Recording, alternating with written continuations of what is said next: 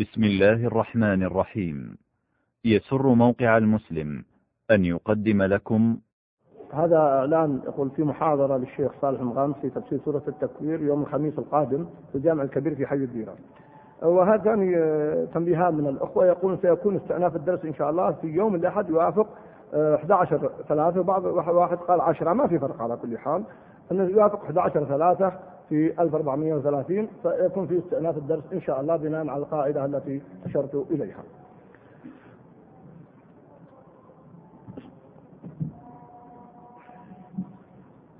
الموضوع أيها الأخوة ونحن في ختام هذه الوقفة مع أحداث غزة وأحداث فلسطين سأقف مع موضوع طالما أشرت إليه ومنذ سنوات وأنا أريد أن ألقيه. حسب ما أذكر أنني أردت أن ألقي هذا الموضوع في حدود عام 1413 أو 14 ولكن لأسباب حالت دون ذلك لم أتمكن من إلقائه وكنت أريد أن ألقيه في مكة. وتمت الموافقة على الموضوع لكن لأسباب لم أذكر. وبقيت حقيقة أنتظر الفرصة لألقي هذا الموضوع. اليوم لا أريد أن أقول أن هذا ما وعدت به بل إن شاء الله. سأحدد له وأخصص له إما درسا مستقلا أو محاضرة مستقلة في عن هذا الموضوع وهو بعنوان التيه بعنوان التيه. طبعا أخذا من الآيات التي وردت في سورة المائدة نعم قال فإنها محرمة عليهم أربعين سنة يتيهون في الأرض فسميت تيه. لكن اليوم أردت أن أشير إلى الموضوع في حدود ما يمكن والوقت الذي معنا لن أتعدى إن شاء الله نصف الساعة فتحملوا وأشير إشارات أعتبرها مفاتيح للموضوع خاصة تناسب الواقع. والذي أقوله أيها الأخوة أن الأمة مجاهدة. والقضية سبحان الله من الموافقات أن تتعلق أيضا بفتح فلسطين لأن أيضا الجبارين من الكنعانيين كانوا في فلسطين بالأرض المقدسة.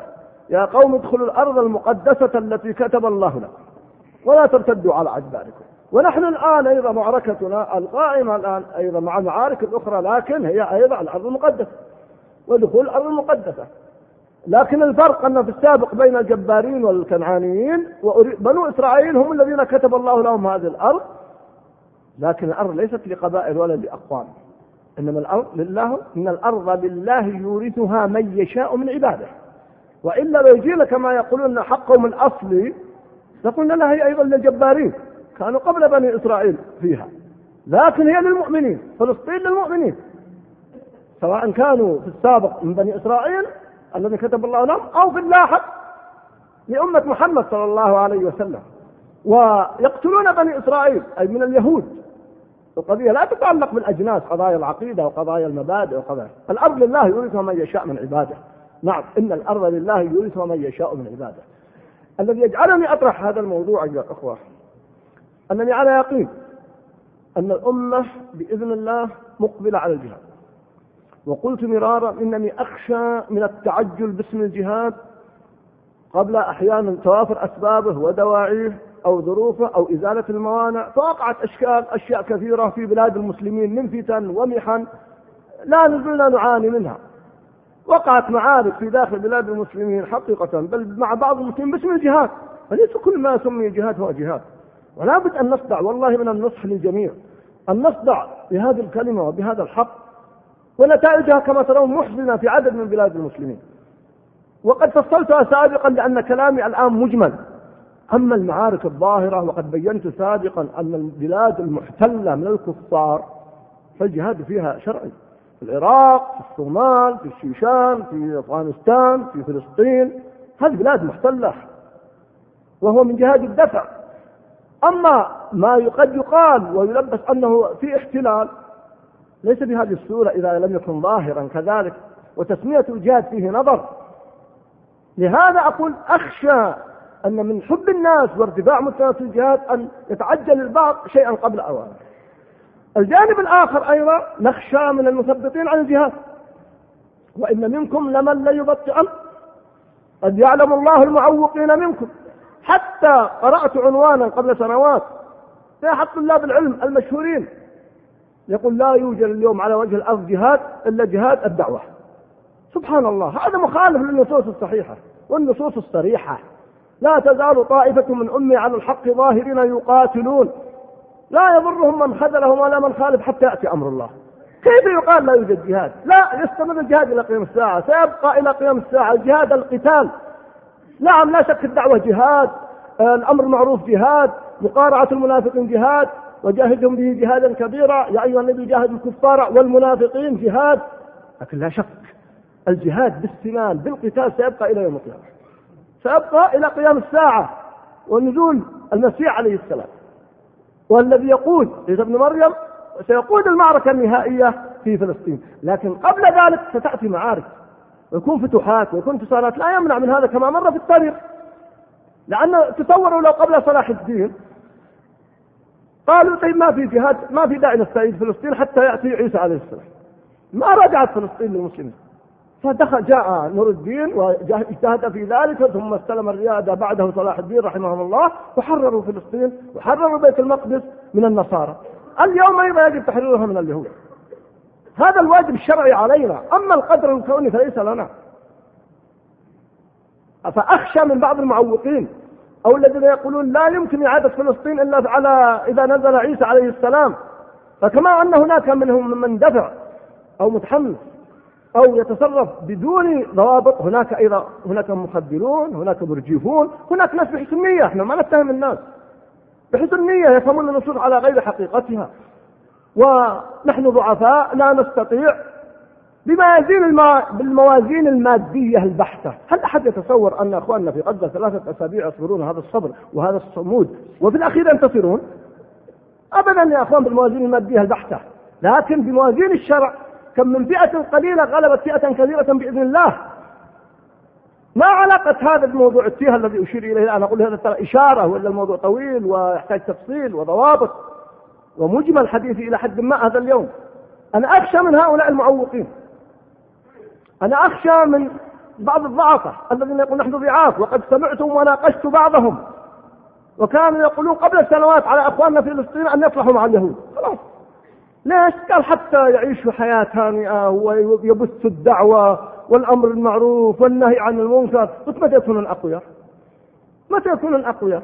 مجرد أنهم قبلوا بال بال يعني الهدنة المطلقة أو نقول الدائمة هذا بحد ذاته مصيبة أما الهدنة المؤقتة يعني لو عقد إخواننا المجاهدون في فلسطين هدنة مع اليهود ومع أشباه اليهود لمدة سنة أو سنتين أو أقل أكثر هذا لا إشكال فيه على القول الراجح ليس هذا محل الإشكال حتى؟ ولعلكم قرأتم بيان الذي صدر من مكة في الأسبوع الماضي اجتمع عدد من المشايخ في مكة حضر الشيخ عبد الله بن جبرين وعدد من المشايخ وأكثر من أربعين من طلاب العلم من أهل مكة وما حولها وكذلك من الرياض وغيره والمدينة وأصدروا بيان. اسمه بيان مكة الثاني وقعوا وبعضهم حتى لم يكن موجودا ووقع معهم. وكانت في مداخلة أيضا في اللقاء من شيخنا أيضا الشيخ عبد الرحمن البراك وفق الله الجميع. فصدر بيان يعتبر بيان مكة الثاني ومنشور في موقع المسلم وغيره من المواقع. وذكروا هذه القضية وهذه القضايا والفرق بين الهدنة المؤقتة وبين الصلح وأن الصلح لا يجوز لأن الآن أعلن اليهود قبل أيام لأول مرة قبولهم بالمبادرة العربية. وحقيقة يدي على قلبي لأني أخشى أن هذا الإعلان جاء بعد مؤامرات اتفاقات ما معنى أن يعلن في هذا الوقت؟ فتخشى من هذا المعارضة يأتي أناس ويبدأون يضعفون الأمة. فأقول إنني أخشى عليهم أن يكونوا كأصحاب التيه. الذين لما قال موسى عليه السلام نعم حاول معهم يا قوم ادخلوا الأرض المقدسة التي كتب الله لكم ولا ترتدوا على أدباركم فتنقلبوا خاسرين. في نهاية المطاف قال اذهب أنت وربك فقاتل إنها هنا قاعد فقال بحزن وأسى وأنا ربي إني لا أملك إلا نفسي وأخي. فافرق بيننا وبين القوم الفاسقين. قال الله قال الله فإنها محرمة عليهم أربعين سنة. يتيهون في الأرض. فلا تأسى لا تحزن يا موسى على القوم الفاسقين فاستمر هذا الجيل أيها الأخوة في قصة التيه هذه القصة العجيبة العظيمة. ولعلي أختصرها ثم آتي لدروسها. لما تجاوز بنو إسرائيل وأنجاهم الله من البحر وذهب موسى عليه السلام لتكليم ربه لموعده. ثلاثين ليلة وأتمها بعشر ورجع وجدهم قد عبدوا العجل. فتعلمون ماذا حدث؟ وأخذ برأس أخيه يجره إليه. قال ابن أمي إن القوم استضعفوني وكادوا يقتلونني فلا تشمت بي الأعداء. كما في سورة الأعراف. فتعدوا وتجاوزوها. ولما قربوا من فلسطين في منطقة قد تكون سيناء وغيرها أرض كبيرة جدا. وهذا الأقرب كما ذكر العلماء لأن قالوا أقرب ما تكون لأريحة وغيرها. قال لهم موسى مذكرا بنعم الله جل وعلا. وإذ قال موسى لقومه يا قوم اذكروا نعمة الله عليكم. إذ جعل فيكم أنبياء وجعلكم ملوكا وآتاكم ما لم يؤت أحدا من العالمين. لاحظوا أولا أنه يريد أن يندبهم لمهمة عظيمة وهي القتال. فقدم بهذه المقدمة بيان من الله ونعم الله عليهم. فذكر ثلاث نعم أن فيكم أنبياء ولكن أكثر الأنبياء في بني إسرائيل كما هو معروف. عاد على كلام العلماء لا أدخل التفاصيل هل هو فيهم الآن قد يقتل في ذاك الزمن أو من قبل ومن بعد؟ والراجح أنه في بني إسرائيل ممن قبلهم ومن بعد يعني من بعدهم كلهم من بني إسرائيل. وجعلكم ملوكا. لاحظ هنا قال جعل فيكم أنبياء ليسوا كلهم أنبياء. لأن النبوة مختصة لكن جعلهم ملوك أي بالنعم والخير والرفاهية والنجاة إلى غير ذلك يعني كأنه ملك الإنسان. وحقيقة يذكر الإنسان واقعنا الآن وخاصة بعض البلاد أنا لا أعمم على كل الناس. بعض الناس الآن كأنهم ملوك. الآن ناس من عوام الناس أقصد من عموم الناس لا أقصد العوام الذين لا يقرأون لا من عموم الناس يسكنون بيوت الملوك ما سكنوها قبل خمسين سنة. نعم يسكنون الآن في فلال وفي قصور الملوك كانوا يعيشون في بيوت طين. فجعلكم ملوكا. فعلا. تأتي الآن انظروا الواقع في بلادنا وفي الجزيرة العربية عموما. نعم. هذا الخير السيارات والنعم. أنا ما قلت للفرد أعرف أنه حالة جوع وفقر وقح عنده ناس لكن نتحدث عن حالة موجودة ظاهر والحكم للغالب وجعلكم ملوكا. وآتاكم ما لم يؤتي أحدا من العالمين. انظروا الخير الذي عندنا. في هذا البلاد مثلا وجود الحرمين. في بلاد التوحيد هذا الأصل مع وجود فرق ضالة وغير ذلك. وهذا النعيم وهذا الخير محط أنظار العالم هذه البلاد. المملكة الآن لا الحرمين محط أنظار العالم ومؤامرات كثير من العالم. حقيقة نحن مستهدفون. آتانا الله ما لم يؤتي كثيرا من العالمين. دين ودنيا. وعندنا أشياء حتى لو فاخرك الناس لم يفاخروك بوجود الحرمين هنا مكة والمدينة. لم يفاخروك في قضايا تتعلق بسلامة المنهج بالجملة. حتى لا يضبط أحد حقهم. هناك من هو قد يكون أصفى عقيدة في بعض مناطق العالم لكن أفراد أو قلة. لكن كعموم وشمول هذا بحد ذاته نعمة. لكن هل ننظر أدينا هذه النعم؟ فلما عد النعم موسى عليه السلام بدأ. يا قوم ادخلوا الأرض المقدسة التي كتب الله لكم. قدرها لكم قدرا شرعيا. سبحان الله وأنا أتذكر هذا اليوم أيضا نحن نقول بالنسبة للمسلمين كتب الله لنا الأرض المقدسة. هنا كتب الله لهم في الآية نصا. ونحن كم في نصوص النبي صلى الله عليه وسلم تقاتلون اليهود أنتم هم أنتم غربي النهر شرقي النهر وهم غربية. حتى يقول الشجر والحجر يا مسلم خلف يهود يقتل فيقتلونه. فإذا قد كتب الله لنا كما كتب لبني إسرائيل الأرض المقدسة فهي مكتوبة لنا. لأن الأرض لله يورث من يشاء من عباده. لكن نأتي ماذا بعد ذلك؟ أنا أخشى من التيه أن يقع البعض في التيه. في أن يميلوا لقضايا السلم والمصالحات والاستسلام. وهذا اللي قلت بيان مكة وغيرهم يتحذروا من هذا ومظاهرة العدو. فكتب الله لكم ولا ترتدوا على أدباركم وتنقلبوا خاسرين. قالوا يا موسى إن فيها قوما جبارين وإنا ندخل حتى يخرجوا منها. فإن يخرجوا منها فإنا داخلون. الآن هناك من يقول ما, ما لا طاقة لنا باليهود. اليهود معهم أمريكا اليهود معهم الغرب. انظر الآن مؤامرات الغرب يا أخوان حتى بعد انتهاء غزة. تصوروا أجمع الغرب الآن. على عدم إدانة جرائم التي حدثت. ومن الشيء المضحك الحقيقة وقل والمبكي أن أولمرت صرح قبل يومين أنه بكى لأحداث غزة. أنا بأخذ الشاهد يعني الآن الحق ما شهدت له أنه اعترف أنه عمل من الجرائم ما يؤدي إلى البكاء بغض النظر عن بكائه.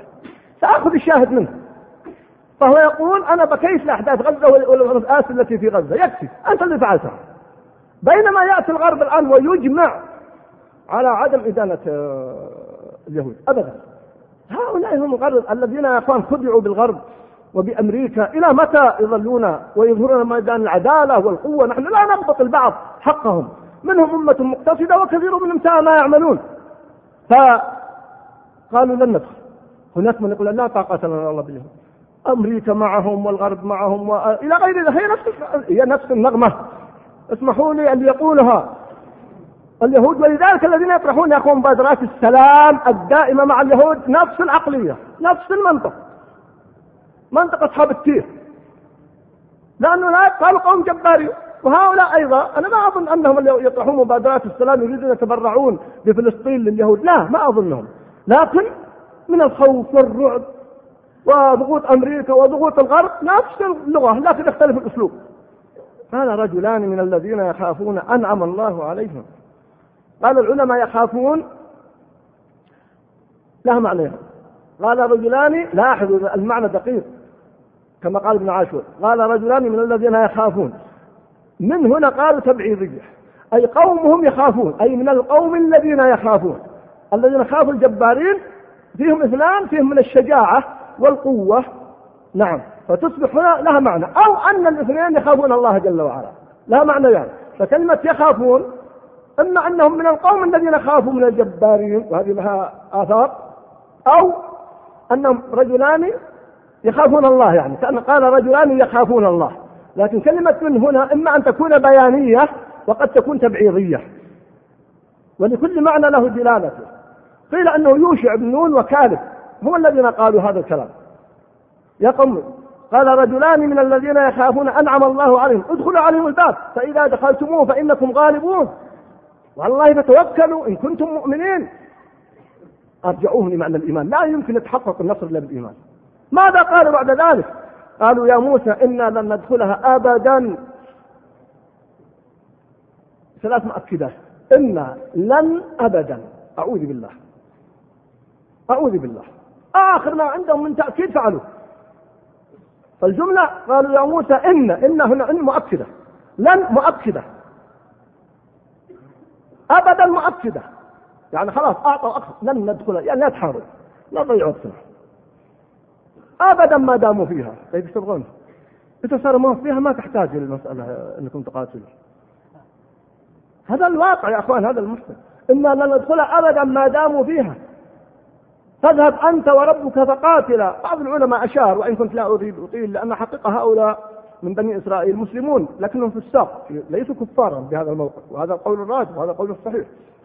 اذهب أنت وربك فقاتلا. إنها هنا قاعدون. أعوذ بالله. هناك من يقول هذا المنطق. نعم. بل قلت إن بعض بني قومنا أسوأ من هؤلاء.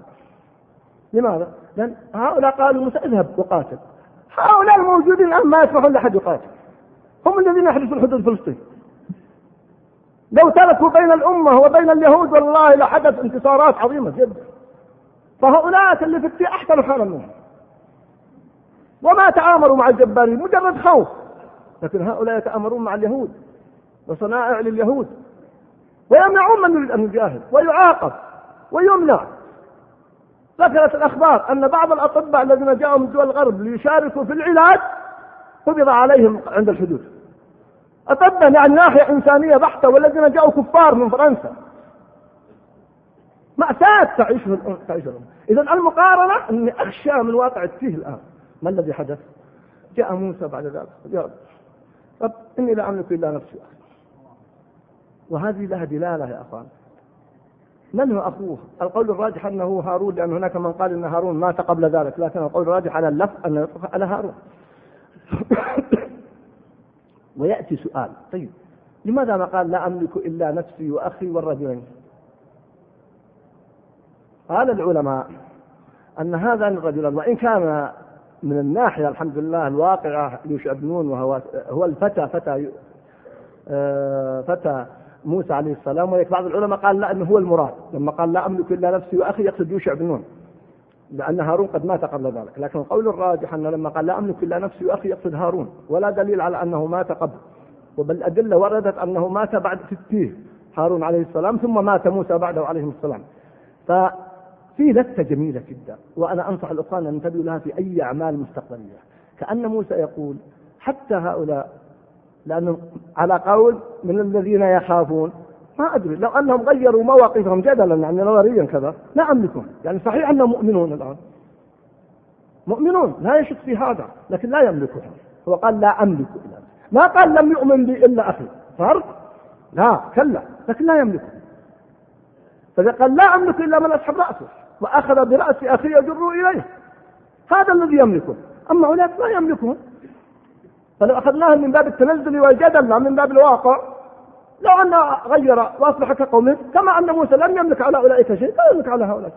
فهو قال لا أملك. ما قال لم يؤمن بأحد وإلا لا شك في إيمانه والذي يوشع بن هو الذي قاد المعركة بعد ذلك عليه السلام. فلا أملك إلا نفسي وأخي فافرق بيننا وبين القوم الفاسقين. فذكر العلماء هنا أن الفرق فرق شعوري. لماذا؟ لأنهم بقوا معهم في التيش مع أن الله استجاب دعاءه فما فصل بينهم. يعني ما قال لموسى وهارون ويوشع وكالب اخرجوا أنتم يبقى هؤلاء. تصوروا بقي موسى وهارون ومات هارون عليه السلام ثم مات موسى وكما في الحديث الصحيح وسأل الله أن يقربه للأرض المقدسة رمية حجر. في الحديث الصحيح في مسلم. معناه أنه ما فرق بينهم جسديا. هذه درس عظيم يا أخوان لكن فرق بينهم في أمور أخرى مع أنهم مسلمون لكنهم عصاة استاق فلا تأس على القوم الفاسقين. نعم. افرق بيننا وبين القوم الفاسقين جاء بلفظ الفسق. وبقي معهم. معناه أن المسلم قد يبقى في قومه أو عشيرته ولو كانوا فساقا يعلمهم يدعوهم لا ييأس منهم ولا يلزم أن يفارقهم جسدا. ما داموا ليسوا كفارا لأن هؤلاء ليسوا بكفار. فقال الله جل وعلا بهذا الحكم العظيم قال فإنها محرمة عليهم أربعين سنة. تأملوا يا أخوان. أربعين سنة لماذا؟ نحن لا نجزم بهذا لكن نلتمس الحكمة. الأجيال يقولون كل 33 سنة يأتي جيل. فتصور هؤلاء الذين قالوا لموسى عليه السلام اذهب أنت وربك فقاتلا لا بد أنهم قالوا من علية القوم وزعمائهم. ليسوا عمر. فأعمارهم قد تكون أصلا فوق الثلاثين أو الأربعين. لأن هم الذين يمثلون أقوامهم وتعرفون أن هناك أسباط وفرق ولذلك هم الذين تجاوزوا البحر 12 نقيبا إلى غير ذلك. لما نقول أعمار بالوسط 30 أو 40 وقد يكون منهم طبعا منهم ال 50 وال 60 لكن نقول أقلهم لا يكون غالبا لا يكون أقل من 30 أضف إليها 40 70 سنة. ينتهي هذا الجيل. الجيل اللي قال اذهب أنت وربك فقاتل خلاص. حتى لو بقي جسدا لا بقي له قوة لأنه أصبح لا أثر له ولا قوة. نشأ جيل جديد. هذا الجيل الجديد نشأ في التيه. من شبابهم أو من ولد في التيه. يعني يكفي أن من وجد هاك اليوم الذي قال الله فيه نعم آه يتيهون في الأرض أربعين سنة يتيهون في الأرض سيكون عمره عندما انتهى عمره كم؟ أربعين بلوغ الأشد لاحظوا بلوغ الأشد هذا أصغرهم أو عفوا أقلهم في النسب وهنا قبله ناس لا شك قد يكون صغار أعمارهم خمس سنوات عشر سنوات ما بلغوا لا يؤاخذون ستكون أعماره بالخمسين خمسة وخمسين ستين أيضا في قوة ونشاط لا شك في هذا نشأ جيل جديد. هم المهيئون للجهاد وهؤلاء قيل لموسى لا تأس عليهم فلا تأس على القوم الفاسق لا تحزن يا أخوان موضوع الحزن سبقا قلت لكم. الحزن إذا زاد ضر ونقص. ألم يقال الله سبحانه وتعالى النبي صلى الله عليه وسلم قد نعلم إنه لا يحزنك الذي يقولون فإنهم لا يكذبونك. ولكن الظالمين بآية الله يجحدون. إلى أن قال لهم في آخر آيات الأنعام فلا تكونن من الجاهلين. مع أنه مزيد حزن من النبي صلى الله عليه وسلم. الحزن إذا زاد نقص. وطبيعي جدا لأن الذي يحزن حزنا شديدا ما يستطيع التصرف. يؤثر على نفسيته وعمله. فلا تذهب نفسك عليهم حسرات فلعلك باخع نفسك على آثارهم فيقال لموسى هنا فلا تأس على القوم فكيف إذا كانوا كافرين؟ هذه أقدار كونية يجب يا أخوان أن نتعامل معها بقوة وبوضوح وبصفاء منهج حتى نتقدم. نعم. فبقي هؤلاء وفي الأخير مات هارون عليه السلام. ومات موسى بعد ذلك عليه السلام. وهنا أشير إشارة لطيفة. ذكر كتب بني إسرائيل ومن باب آه، حدثوا عن بني إسرائيل ولا حرج.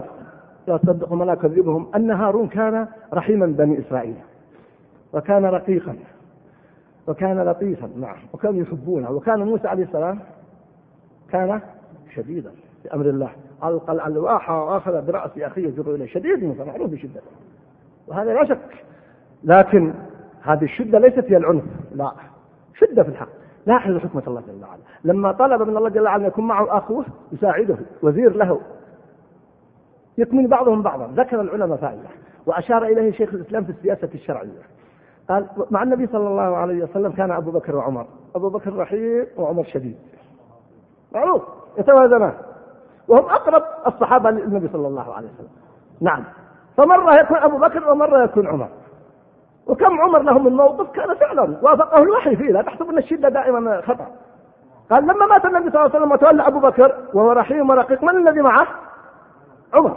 يتوازنون. لما مات أبو بكر وتولى عمر من الذي معه؟ عثمان وعلي. لما مات عمر رضي الله عنه تولى عثمان وهو رقيق معه من؟ علي وهو شديد. فقال تكتمل الأمور شيخ الإسلام في مقدمة السياسة الشرعية. ارجعوا إليها. جميلة جدا. اذا يتكامل بعض. هذا من التكامل ليس من النقص واختلاف تنوع ليس اختلاف تضاد. وحكم يجعل الله جل وعلا. ولذلك يقولون بعض الاجتماعيين الدراسات الاجتماعية أن أكثر البيوت تعيش وتسعد إذا كانت صفات الرجل تختلف عن صفات المرأة. فتجد صفات الرجل أحيانا شديد في المرأة رقيقة. والعكس أحيانا يكون الرجل فيه ضعف تكون المرأة قوية. نعم. سبحان الله هؤلاء غالبا يتكاملون. لكن لو كانوا بصفة كلهم أشداء ماذا يحدث؟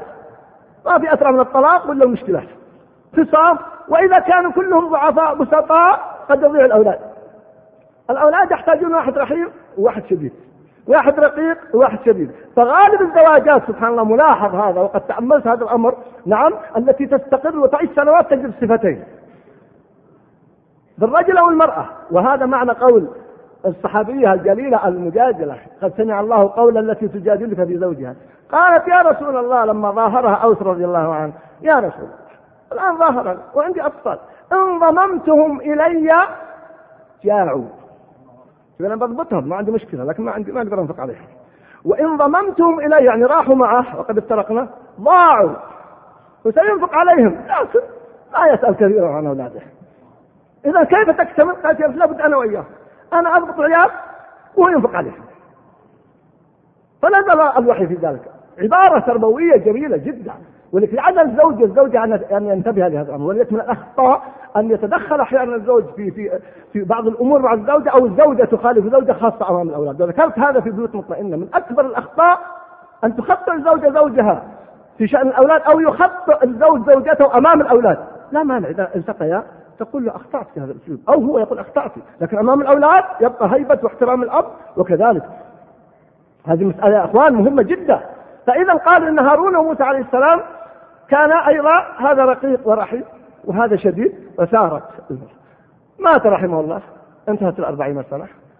يوشع بن نون أيضا من الأنبياء وهو الفتى وهو الذي قال أحد الذين قال إذا نعم قال رجلان أعلن الجهاد الآن. خلاص. بجيل جديد تربى. وقد قلت قبل سنوات في مقابلة مع مجلة المجد أو عفوا مع مجلة البيان قلت إن مناهج الرخاء لا تخرج قادة الأزمات. نعم. مناهج الرخاء لا تخرج قادة الأزمات. إلا قليلا. بينما الأزمة التي حدثت في هي التي خرجت الرجال الذين يفتحون بيت المقدس. ولذلك ثبات إخواننا في في مثلا في غزة. نشأوا من رحم المعاناة بينما كثير ممن أضاع فلسطين من الأجيال السابقة لأنهم عاشوا الرخاء. والرفاهية ما استطاعوا. كانوا يهربون من كثير منهم. وقد يعذرون شرعا لضعفهم. أنا لا أتحدث عنه. بينما الجيل الجديد من الفلسطينيين الآن بعد ما جاءت خيانات من عدد المنظمات الفلسطينية شيوعية ووطنية وسميها ما شئت بدأ ينشأ جيل جديد. الكتاب والسنة على الكتاب والسنة على منهج الإيمان. خرجوا من رحم المعاناة. كما خرج من بني إسرائيل شباب بني إسرائيل الذين حرروا بيت المقدس هؤلاء خرجوا وهم في داخل الأرض المقدسة. من الشدة والقوة والشجاعة والبسالة والبطولة. ورأينا هذا في الرجال والنساء والأطفال مرارا في العصر الحديث. عكس ما كان في الثلاثين أو أربعين سنة الماضية مع كل أسف الأجيال التي ساهمت. أو بعضها ساهم في إضاعة كما قلت فلسطين لأنهم عاشوا رخاء. فكان يصعب عليهم أن يواجهوا اليهود. أنا أخشى هذا حتى على غير من البلاد الإسلامية بلاد الخليج وغيرها. فجاء يشع بن نون وأخيرا أختم لأن أنا الدقيقة الأخيرة كما وعدتكم يقول النبي صلى الله عليه وسلم في الحديث الصحيح في مسلم عن أبي هريرة غزا نبي من الأنبياء. طبعا هو يشعب نون فقال لقومه لا يدفعني رجل ملك بضع امرأة وهو يريد أن يبني بها. ولما يبني بها. ولا أحد بنى بيوتا ولم يرفع سقوفها ولا أحد اشترى غنما أو خلفات وهو ينتظر ولادها. أي واحد يعني متعلق بالدنيا لا أريده لا يصلح. أحد ينتظر زوجة وإلا بيت وإلا غنم ولا إبل هذا ما يصلح لنا. لا يتبعني لا بد من تحرير القلب من الدنيا ليكون مؤهلا للجهاد. فهذه الأنواع الثلاثة تدل على نوع البشر في تعلقهم في الدنيا. أحد يتعلق بالنساء أحد يتعلق بالمال أحد يتعلق بالبيوت وهي من أكثر ما يشغل الناس كما تعلم. قال هذا لا يطبع يبقى حتى من الجيل الجديد. لأنه لما يقول يا أخوان وهو يريد ملك بضع امرأة وهو يريد أن يبني بها قطع شباب غالبا. يعني دليل على أنهم شباب توهم. لا زال في مرحلة الزواج. فما يصلح هذا أيضا. ما ما ما خلصت النتيجة. ثم غزا. فلما نعم يقول فغزا فدنا من القرية التي بالأرض المقدسة. آه، صلاة العصر. يعني بدأت المعركة صلاة العصر. فقال للشمس خلاص تغيب الشمس الآن. والوقت ما يكفي ساعتين وثلاث قال أنت مأمورة؟ وأنا مأمور. اللهم احبسها علينا فحبست حتى فتح الله عليه فجمع الغنائم إلى آخر الحديث. ففتح الله عليه. الشمس أوقفها الله لكن متى؟ جيل جديد نظيف حتى لمجرد تعلقات في الدنيا قال ما يصلح لنا؟ نعم كيف؟ هذا يؤثر فيه لأنه عند المعركة يبدأ يتذكر زوجته اللي تنتظره الآن. وهذا يتذكر الغنيمات والخلفات اللي جالس ينتظرها وهذا بده يرجع للبيت يكمل السق ما يصلح هذا. فحبسها الله. وهذا يذكرني بقصة سعد رضي الله عنه وتحمل مني في دقيقتين هذا آخر درس. سعد رضي الله عنه لما أراد أن يعبر فجرة طلب السفن تأخرت عليه قال لسلمان انظر الجيش المفتشية العامة دار في الجيش قدم التقرير في الليل. قال ماذا رأيت؟ قال رأيتم بين ساجد وراكع ومصلي ونائم. قال هل رأيت في الجيش معصية؟ قال لا. قال إذا صليت الفجر فإني راكب من فرسي وسأخوض النهر. فلما صلى الفجر نادى في الناس. فخاض النهر جمد الله لهم النهر. فرآهم الفرس. قالوا هؤلاء شياطين هؤلاء جن فهربوا بدون قتال. لكن متى؟ بعد أن تأكد ان ما فيش أصحاب معاصي وسهرات، كيف احتلت سيناء والضفه؟ لأن خدرتهم كوكب الشر، خدريهم يا كوكب الشر، كانوا يسهرون على الأغاني وعلى فضربت في ست ساعات اخذت سيناء والضفة والجولة. بينما لما يقول أحد الأخوة من مشايخ الرياض أرسل لي رسالة وأعرفه من طلاب العلم معروفين يقول ذهبت إلى حدود المعابر ما استطعت أدخل. أيام الغزو. يقول طبعا قريبة المسافة. يقول أنا أسمع أذان الفجر. أذان يقول في غزة عجيب جدا. يقول قلت تعجبت يقول في بلادنا الناس لا يصلون الفجر. طيبون أصحاء وهؤلاء في هذه الظروف الصعبة؟ الأذان يعم المساجد والسماع صياح الديكة الذي يدل على أنها رأت الملائكة كما تعلمون. لما تكون الأمة بهذا المستوى تنتصر بإذن الله. فإذا هذا الذي أنصح به حذاري وآخر كلمة حذاري حذاري أن نكون من أصحاب الدين.